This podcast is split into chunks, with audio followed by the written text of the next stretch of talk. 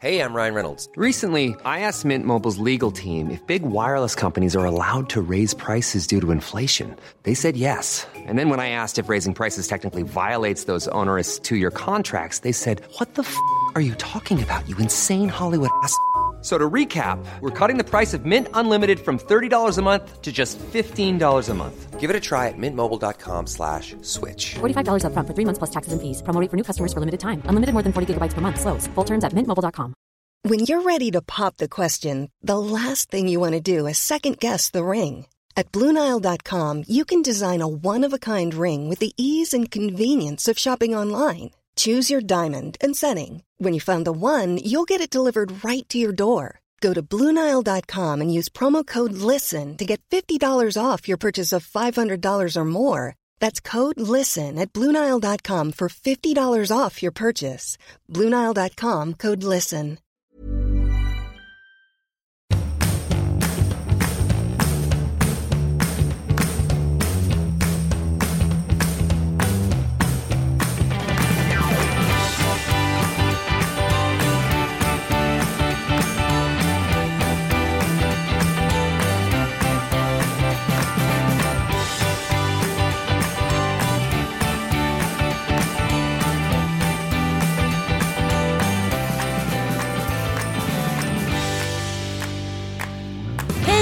Välkomna till veckans lillelördag och ännu en gång blir man påmind om att så här, äh, podden är dåtidens radio. Man kör liksom live över hela världen. Nu Anita i Maldiverna. Ja, jag är i Maldiverna och jag har fått en sån där otrolig så här På spåret-insikt när jag har varit här. Jaha, och vad är det? Nej men alltså jag har ju varit på den indiska sidan. Jag är ju född här. Alltså det här är min home visit place liksom. Alltså jag, jag är ju född 40 mil härifrån fast på landsidan liksom. I Indien. Det här är ju extremt nära Indien. Och jag har ju varit i någonting som heter Lakkadives. Det är alltså indiska Maldiverna som ligger ungefär 10 mil härifrån. Och det här heter ju Maldiverna. Lakkadiver. Maldiver. Har det någonting med någon så här indiskt eh, syd och nord att göra? Är det någon som vet det så får man gärna höra av sig. Mm, nu är geografilektionen snart avslutad. ser lite, jag sitter här, jag ser ju dig här. Du ser lite rosig ut. Du, jag är så otroligt eh, sönderbränd. Men eh, vi gick hårt ut, både jag och Joel, dag ett med att så här, maximera solupplevelsen. Och så körde någon typ av bronzer. Tyckte vi var en bra idé. Ja, tänkte inte på att det var så här, 32 grader och precis på ekvatorn. Så att så här, vi har typ inga axlar kvar, någon av oss. Det är bara köttslamsor. så, don't Det var någon städerska, som, någon städerska som hade gått förbi igår och hört att det hade försökt kuttra sju. Svårt att ha sex. Det var aj, aj, nej, aj, aj, aj, aj, aj, aj, aj. Ja. Här hemma blomstrar det. Ja, ja där hemma blomstrar du. går i Täbyvillan. Jag är nyförälskad. Jaså, det var ett på. hus som gjorde susen. Jag har sett att det Ja, har varit det många, middagar där hemma. Det är liksom inte så att man tar det lite lugnt och landar nu, utan nu kör man på som fan. Nej men jag tror vi är så utsvultna. Men vi har ju inte, vi har liksom verkligen varit parasiternas duo. Så här, ja, vi kommer gärna, vi kommer gärna. Vi sa det, det har gått så här 15 bjudningar på en tillbaka kaka liksom. Så det är väl lite känslan, så här, Oj, nu blir det fint väder, nu bjuder vi alla som vi kan bjuda. Så att, men det är väl fair. Men det var jättehärligt. Mattias eh, gjorde sin första, livs första sås. Hur gick det då? Ja, så god. Alltså, vad var det då? Ja, vi pratade om bröllop, ja, det är alltid det är så romantiskt allting. Oj, oj, oj. Är det dags att skicka ut en save the date nu igen då? Huseffekten. Verkligen. Nej, men det känns bra. Det är ju så här, man inser ju när alla får utrymme att man är inne i varandras energier och så här, man är, liksom, man är inne i varandras organiska liksom, åh, flöde utan att man vill. Man Ja. vill ju gå ifrån och så här, umgås kanske med en, en i taget och hit och dit. Någon kan bada, någon kan vara i trädgården. Men det går ju inte när man bor så där litet. Det går ju inte. Nej, och det är det som är liksom också så här en prövning tycker jag generellt när man är på semester, speciellt med små barn. Man bor så i ett rum eller, och så har det någon som har någon liten extra säng och så bara man är liksom i varandra och kliddrar hela tiden och man blir galen. Vi har liksom två rum här. Så barnen har ett eget rum och så har vi en sån connecting door så de har liksom eget badrum och allting. Det är så jävla nice. Och dessutom så här, jag, det är första gången jag reser med två blöjfria barn. Förstår Är du? det? Ja, så, så här, Tom Allan går på toa på flyget, han går och kissar själv. Han är ju stora killen nu. Penny går till rummet själv och chillar när hon vill. Alltså vi bor ju på så här, en så här klubb med all inclusive liksom. Så då Ja. är det ju liksom, det är ju så ett område som är så här vuxenanpassat. Det måste man ju ändå ge fransmännen. Att de har ju fan koll på det här med att liksom resa med barn. Alltså, jag var på en klubb med för flera år sedan och så här, det finns ju en del utav resorten som bara är så här vuxenanpassad där inga barn är välkomna och det är såna här jätteschyssta bungalows ute vid havet. Sen är det den här delen som är liksom för alla och för barn också. Och då är det liksom, har vi en, ett skit, ja vad kan det vara? 70 kvadrat, 80 kvadrat. Liksom mitt på stranden, så vi går direkt ner till havet. Penny kan ju simma själv, så hon kan gå till poolen och simma när hon känner för det. Går hem, chillar. Alltså hon sköter sig själv, hon är helt fri här. Du förstår vilken grej det är för barn att bara vara det. Och sen så maten, alltså man är ju lite så allergisk generellt mot så här charterbuffémat. Men du vet fransmännen, det, det piskas på. Alltså det är så god mat. Alltså det är så god, god mat så jag vill liksom inte sluta äta. Har du Det är ätit... så här 18 eh, desserter, 18 förrätter, alla kök i världen. I och med att det är så mycket mixturism här så finns ju allt liksom. Nej, det är så gott. Har du Allting träffat, gott. har du träffat Gerard, Gerard Depardieu? Nej, men jag har träffat så här, men jag träffat så här, några så här fransmän som verkligen så ser, vissa fransmän ser ut som de gör när de är fem år. Och så ser de ut så typ hela livet och så runt så här 60 så börjar det ordna upp sig och börjar de se lite manliga ut. Det finns ju, alltså, fransmän kan verkligen se ut som jättebebisar alltså. Ja, vad gör ni på kvällarna då? Är det musik? Ja, på kvällarna. Musikal? Nej, Det är musik och det är show om man vill. Det gör inte vi. Det vill inte vi. Man kan vara en del Nej. utav det, man kan också välja bort det. Det är helt frivilligt. Det är ju, asiaterna gillar ju att umgås i grupp. Det är ju mycket så här, gympa i poolen i grupp och dansa i grupp och sånt där. Så vi eh, som är svenskar då, vi är ju lite udda här liksom. Eh, Så att vi håller oss lite för oss själva. Vi har ju som sagt en terrass liksom, som ligger precis vid eh, barpoolen kan man säga. Så att vi bara att vi går och hämtar ett par glas så sitter vi på vår lilla veranda och har det nice och spelar spel och ja, dricker drinks. Det är nice. Gud vad nice. Vad är det för spel? Är det Monopol? Det, det spelades kort och det har spelats mig och det har spelats Yatzy. Det spelas en del här. Jag är avundsjuk. Jag kommer. Ja, annars då? Här hemma, det blir inget Nobelpris. Nej, kan vi prata om det här? Kan vi prata om det? Kan vi också prata om liksom Alice Bah Kuhnke och eh, den här Nordenstjärnaorden som hon gav Arnaud? Ja, men nu kanske vi inte... Hon var ju ganska ny på sin eh, position när det här hände så att man kanske inte kan anklaga henne. Men grejen var att det var ju papp, papp, fler som kan hade man ifråg... inte det? Kan jo, man inte för det, var faktiskt, jo, för det var faktiskt flera som hade ifrågasatt som också vittnade om hans... Riksmarskalken hade gjort så här. År efter år efter år Jag vet. efter år. Och sen så rundar de då eh, riksmarskalken och eh, alla som hade så här satt emot sig. Så plötsligt så bara var Alice bara lite opportunistisk och tyckte det var en bra idé att ge honom en, en jättefin orden. Va? Det kan man göra en Som- googling kanske, om man är kulturminister tycker jag. Lite så. Jag vet inte. Man Eller snacka har- med någon polare bara. Ja, någon av mina exakt. 22 polare. Snacka med dig. Nej men vadå, hon, precis som, jag menar så här, har han tafsat på kronprinsessan i arslet, inte för att hon står över någon annan per definition, men att hon har sett till att han är portad från alla partys, då kanske man så här, det borde rimligen finnas lite snack om honom där ute. Jag bara kände när den där kronprinsessan Victoria-löpscenen var, då kände jag så här, men nu framstår ju till och med liksom franska 1700-talshovet som så här små nissar i Astrid Lindgrens värld. Nu liksom, då blev det liksom lite för bra för att vara sant på något sätt. Förstår du vad jag menar? Ja men jag är, liksom, jag är på riktigt, här, riktigt upprörd över Alice Bah här, agerande. För att så här, stå och så här, vara sån jävla opportunist, feminist ena sekunden och fria till massorna liksom. Genom att så här, köra metoo-racet och liksom vinna opinion på det och sen så inte ha koll på sin egen jävla agenda i frågan. Då tycker jag inte att det är, då tycker jag att hon är vattenvärd. I'm sorry to say. Oj, oj, oj. Oj, Nu är hon modig och stursk när hon sitter på andra sidan jordaklotet. Untouchable, untouchable. Luften är fri. Nej, jag håller med. Men, men det där är så svårt eftersom vi sitter ju inte med facit. Du har ju inte gjort någon jätteresearch kring hur det här gick till. Men, men, men Nej men det har ju inte väl- Alice Bah Kuhnke heller så att så här, I'm Nej. sorry. Hon har lite Nej, mer ansvar än mig i den här frågan, måste jag säga. Det är bara en stor tragik att det här har pågått så länge och att de har på något sätt stått över allting så otroligt mycket. Han och liksom Frostenson. Så man säger, ja, det finns ju ändå eh, väldigt tydliga regler då sedan många hundra år tillbaka eh, hur allting ska gå till. Bland annat hur eh, länge och hur ofta man får vara i den här lägenheten i Paris. Det har de helt struntat i. Det har varit deras liksom hovlägenhet. Där har han firat sin födelsedag och där... Nej, jag tycker att det bara är eh, horribelt. Samtidigt så så är det lite som, vad ska man säga, historiens kranka blekhet. Så är det ju att så fort en sån här grej händer då ska man helt plötsligt börja känna förakt för det, det bildade. för de som sitter sig ovanpå.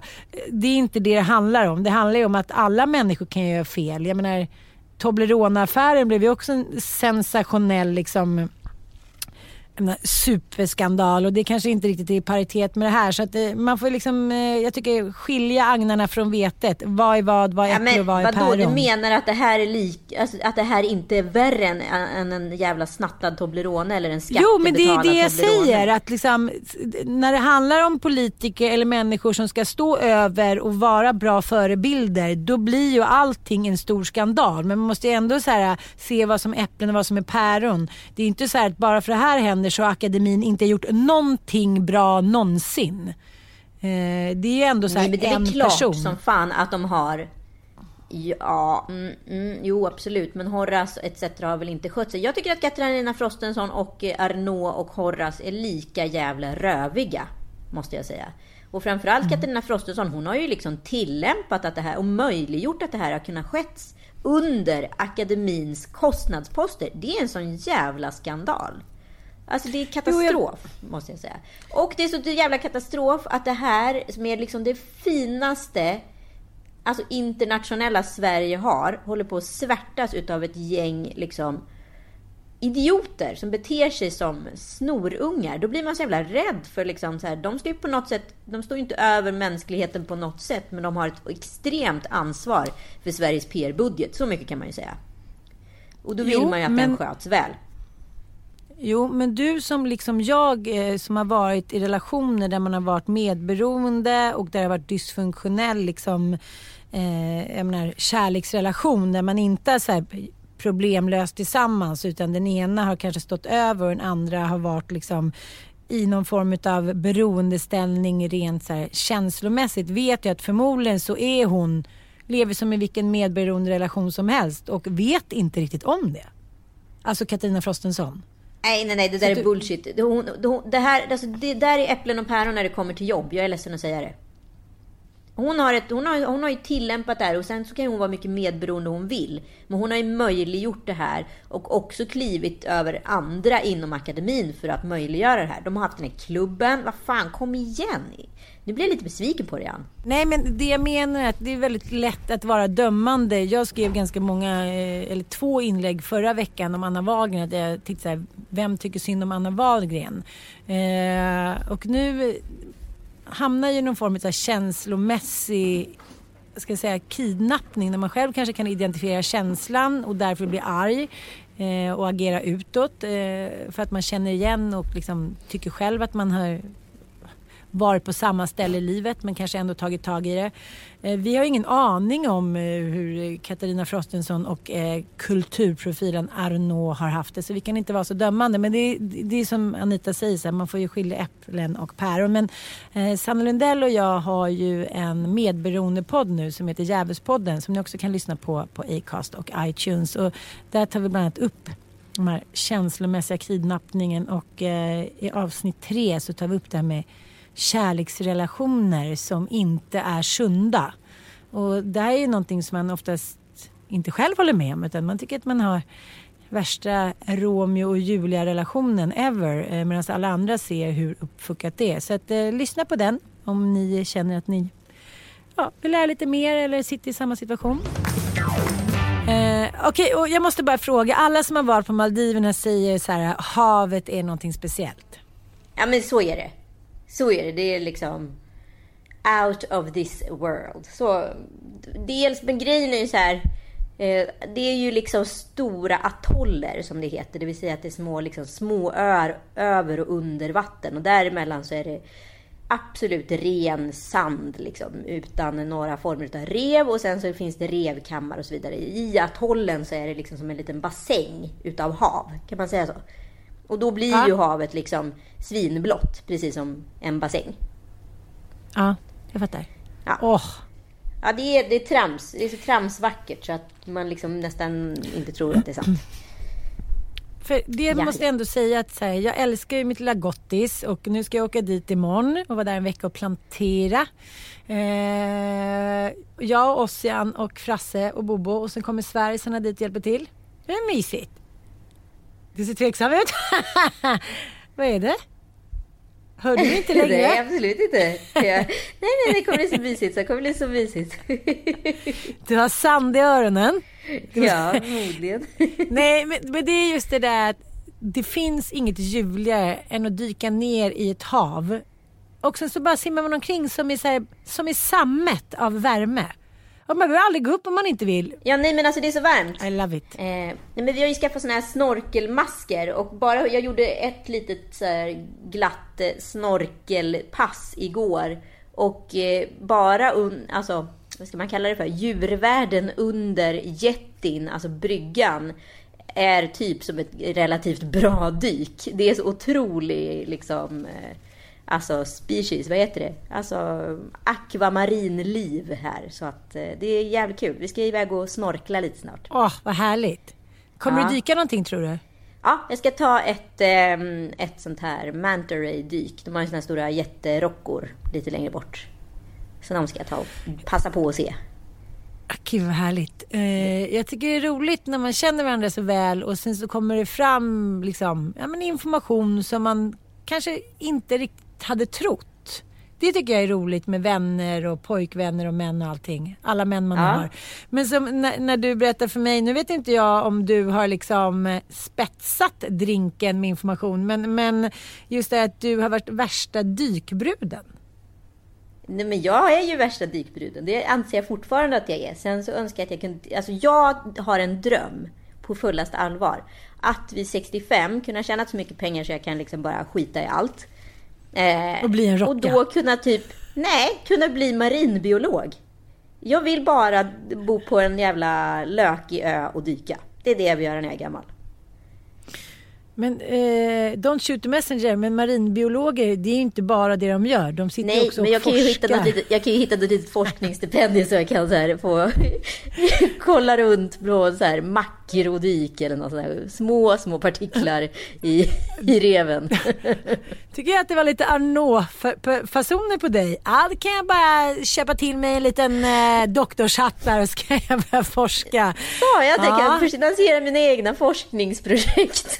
Ja, på det gamla revet i skrovet. Jag kör. Nej, Jag men jag kör älskar att dyka. Det är det bästa jag Ja. vet. Det är det bästa jag vet. Jag gillar också det. Jag tycker bara att det är lite... Jag, jag, jag dök, gjorde så här kvällsdyk.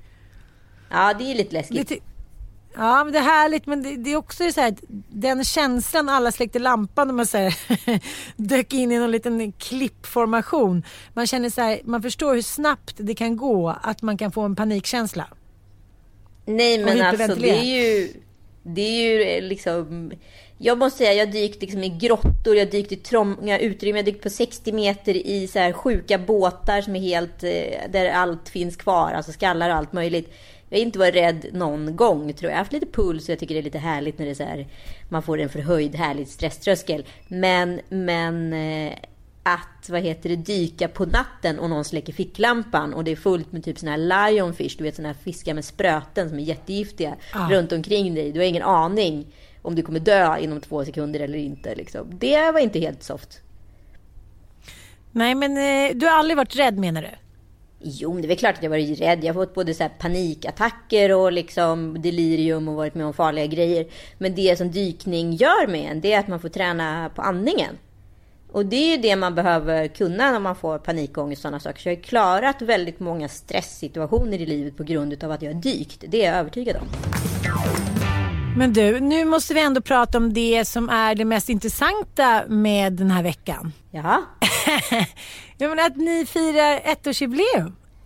Du och Joel? Ja, det gör vi. Det gör vi. Men är inte det jättegulligt och fint? Det trodde man ju inte när vi var i Thailand, typ exakt den här veckan förra året. Att det skulle bli någonting. För då låg ju du inne och pratade i telefon med din nya 90-talskille, eller på att säga. Med din nya kille. Och det, jag hade liksom inte riktigt hängt med innan. Så jag tror att jag först så här, när vi åkte hem insåg att så här, gud, nu är hon kär.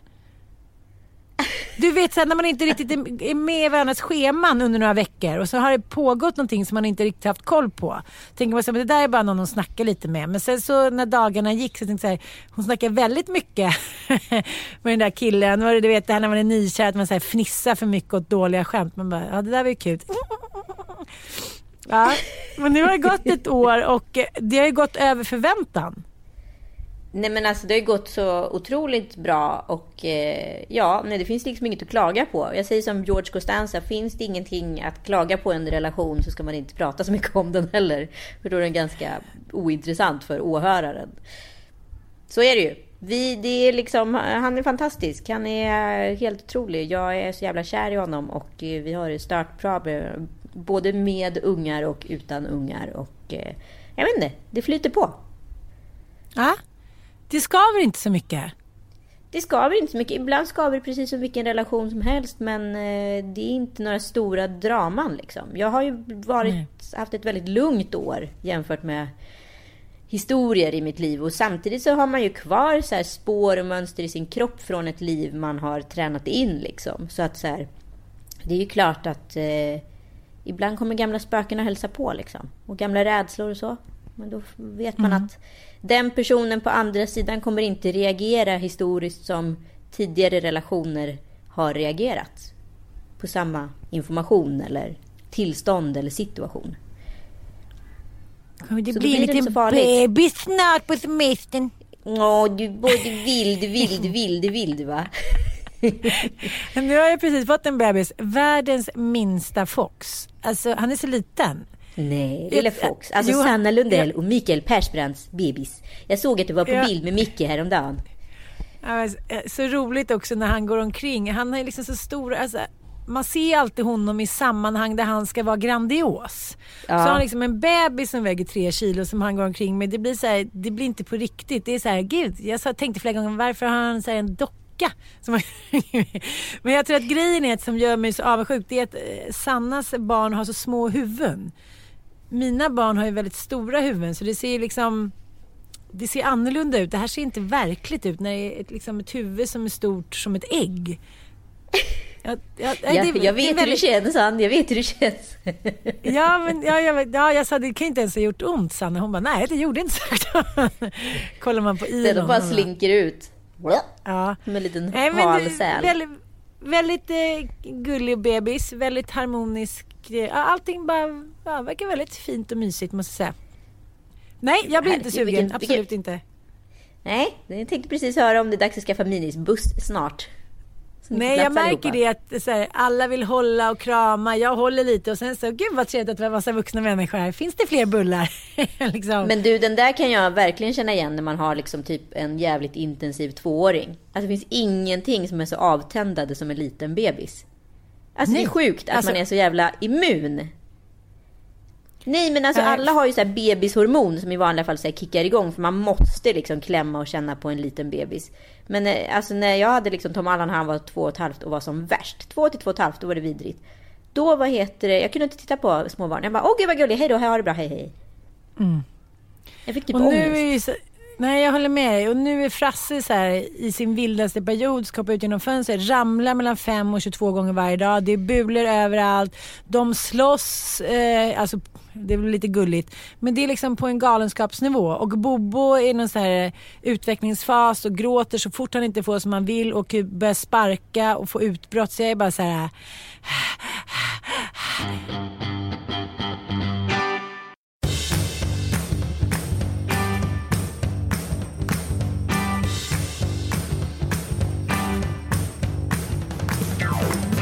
Får jag fråga en sista fråga innan frun ska dyka? Ja, fråga på. Vad gjorde ni på ettårsjubilaret? På ettårsjubilaret, då landade vi här. Vi, vi inmundigade en trevlig måltid på kvällen och vi drack massa drinkar och vi drack lite vin. Vi pussades och hånglades och kysstes hela natten och sen så slutade natten i en trevlig älskog. Ja, såklart. Minsann, minsann. Låter underbart. Låter underbart. Jag är jag inte trodde, jag var rädd att han skulle skull. fria. Jag var rädd att han skulle fria. Jag är inte Ja, beredd på det nu. Det kunde jag ha gjort. Ja, nej. Han är från Gävle. Han har oerhört lång ansats till allting. I bästa fall skulle jag säga, om det kommer ett frieri, så kommer det om så här ett, två år. Ja. Det räcker Eulalia. Han skulle, vara alla, han, skulle ha, han, skulle ha tio, han skulle ha tio panikångestattacker innan detta frieri, så att jag skulle märka det. Sju. Läkarvård. Finns det bra läkarvård där på hotellet? ja. Herregud. Ja, Ann som Fransson. Jag längtar redan efter dig, lilla toka. Även fast det inte var så länge Ja. sedan vi sov sen. ja, jag längtar efter det också. Jag kommer nu. Ja, kom. Hoppa på. Hoppa på din flygande matta. Åk. Fan vilken skitpodd. Jag, jag, jag tycker vi ännu en gång kan gå tillbaka till Avicii och så här, jag menar, hur man tänker på manligt och kvinnligt och liksom om man är för svag eller liksom den, vad ska jag säga, den kulturella kraven på killar. För igår så skrev underbara Klara en krönika om det där. Det är synd om pojkarna liksom och hur de får växa upp och inte tror att de kan vara svaga. Och så pratade jag med mina söner om det där i morse i bilen. Då försökte jag få igång ett, eh, ett, eh, ett härligt samtal kring män och känslor med mina söner. Ossian var inte med, han är ju väldigt duktig på att prata om känslor. Men det var Ilon, Dante och Mattias. Och eh, nej, jag frågade så här, vem brukar du prata med av dina kompisar om känslor? Och Ilon sa, ja, jag har inte så mycket behov av att prata om sånt. Och Dante sa ingenting. Och eh, Mattias skulle så här, hehe, skämta bort det lite. Och då sa jag så, okej, märkte du vad du gjorde nu?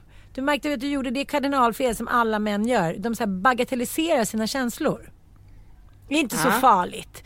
Ingen fara. Det är, man går ut och super till det eller så spelar man en basketmatch. Inte vet jag. Man så här, eller självmedicinerar. Mycket av liksom beroende handlar ju om att killar mår dåligt och börjar kröka eller röka på eller ta andra droger eller träna för mycket liksom.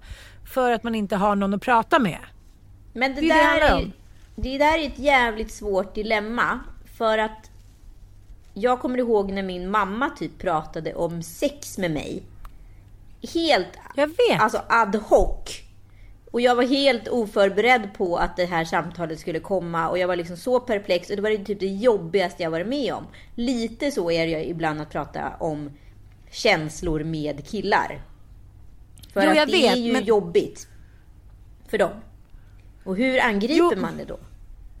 Jo men jag tänker även fast Mattias är bra på och mycket bättre på att prata känslor än många av mina ex så är det ändå liksom lite som att de så här vaknar upp som strutsar varje gång. Så här, Jaha, är det därför det är dåligt mellan oss? Jaha, ja det har jag inte ens tänkt på, förlåt. Typ. Man bara, men har du, hur kan du inte ens ha tänkt på det? Det har jag tänkt på dygnet runt i typ tre veckor. Och då känner jag så här att vi tjejer kanske känner in lite för mycket och är så här, nu blev jag surrad. Eh, och män är precis tvärtom. Så här, men ah, no, don't fix it if it ain't broken typ. Jag sa att jag älskar dig när vi förlovade oss och om det blir någon ändring då säger jag till igen. Men att det viktigaste tycker jag är, det är så här, att öva med den generationen pojkar som vi har. Att, så här, att prata om känslor som att det är liksom, ja men vilken, vilket snack som helst. Förstår du lite vad jag menar? Inte att det ska Ja, bli ja, så här, åh, nu ska bomben brisera, vi ska prata om känslor. Och då frågade jag Mattias, för att han är ju väldigt bra på att prata om känslor med sitt ursprungsgäng från Enköping. Ja. Jag blev liksom förvånad när han säger, ja, men de liksom tar hand om varandra. Är det moraliskt förfall så ifrågasätter de. Är det liksom något problem med jobbet? De kan prata med varandra i timmar och jag är lite så här, jaha. ja men du och jag, är, när, om vi ringer och det är något så här, okej men jag tycker du ska göra så här och så här och sen är det klart. Han så här, går iväg och en timme senare här, ja men gud vad bra, tack för tipsen och så där. Och då sa jag det, kan det vara något småstadsaktigt, något geografiskt att man så här, känt varandra länge och vet att man har sett varandras fel och brister. Så att, Ja, liksom, det spelar ingen roll om man visar sig lite svag. Och det var en teori som jag hade som kanske inte alls stämmer. Men om man nu ska prata om en annan grej ur eh, samma spektra så är det ju liksom snubbar har ju, det ser man ju i Avicii-dokumentären, det är ju jobbigt att liksom läsa av en stämning. Att de liksom verkade, verkade inte så här någon ta, riktigt ta in hur dåligt han mådde. Och den kanske till sist bara, gud vad han gnäller. Alltså förstår du lite ur den Ja. aspekten också. Ehm, så det är ju svår vågskål det där. Hur mycket ska man ropa åt något håll liksom? Eh, jag hörde nyligen en tjejkompis berätta om en killkompis till henne som har då valt att renovera parets hus. De har två små barn. Han jobbar såklart väldigt mycket och är då, då vill säga chef över ekonomin hemma. Så nu har han eh, bytt stadsdel fyra gånger och eh, ja, kvinnan i det här fallet då får tuffa med och liksom byta förskola eller orientera sig runt om i stan och hitta nya liksom, möjligheter att lösa det för barnen helt enkelt. Ett barn är hemma. Och då är de separerade? Nej, de är ihop. Och han Jaha, okej, okej. Ja, Han förstod överhuvudtaget inte, berättade min tjejkompis, att varför frugan var på lite dåligt humör. För livet var ju toppen. Aha. Han bodde ju, han var så jävla skönt att bara testa nya stadsdelar, verkligen få så här, utveckla sig som människa. Det var hans take på det hela. Och då frågade min väninna så här, men vad tycker hon då? "Nej, Jag vet inte, jag tror hon gillar det. Hon är lite sur i och för sig. Då blir man lite så här. Hur funkar relationer och hur funkar snubbar i relationer? Är det så att det är en pågående diskussion där hemma som han inte vill berätta för sin tjejkompis? Eller är det så att han inte har läst av henne för fem öre?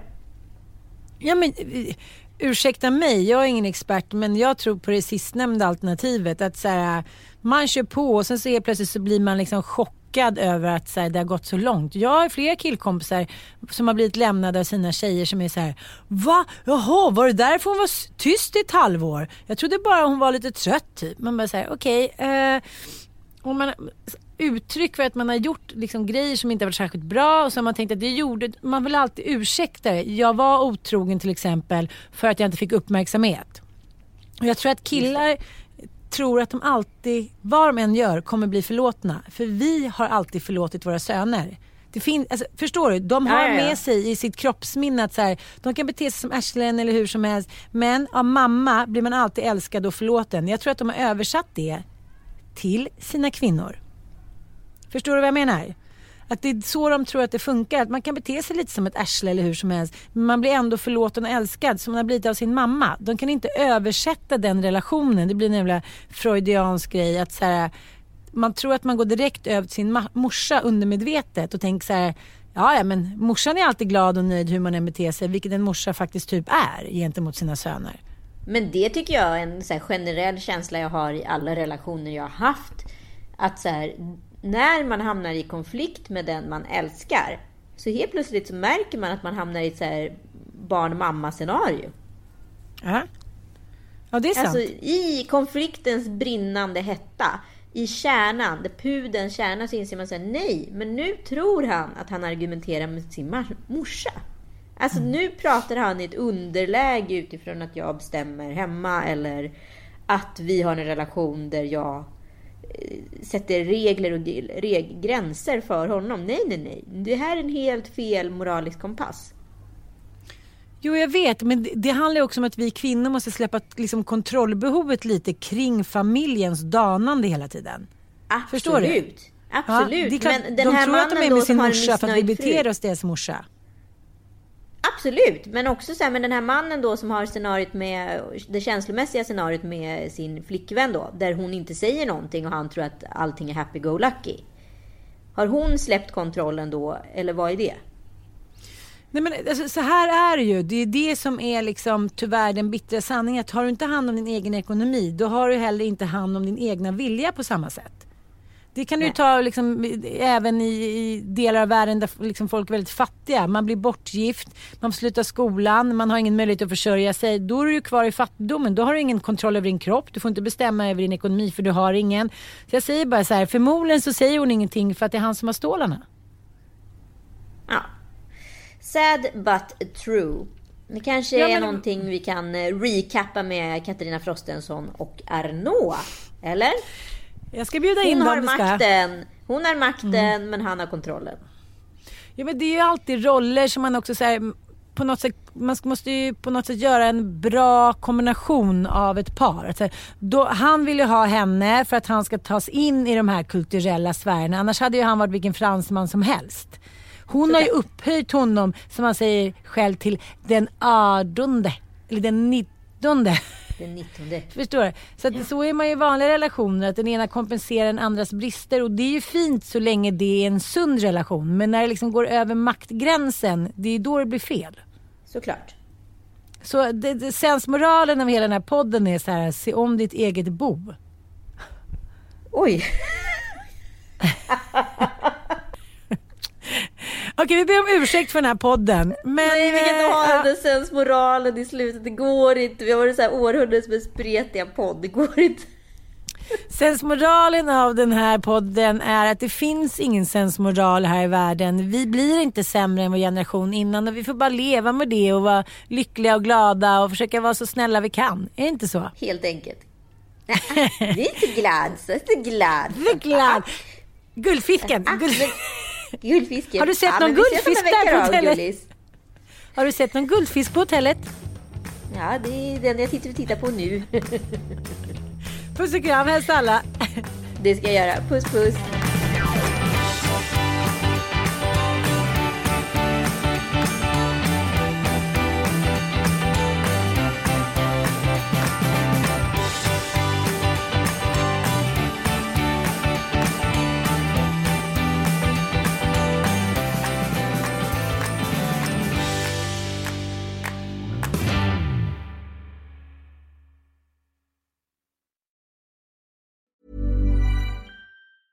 Need new glasses or want a fresh new style? Warby Parker has you covered. Glasses start at just 95 bucks, including anti-reflective, scratch-resistant prescription lenses that block 100% of UV rays.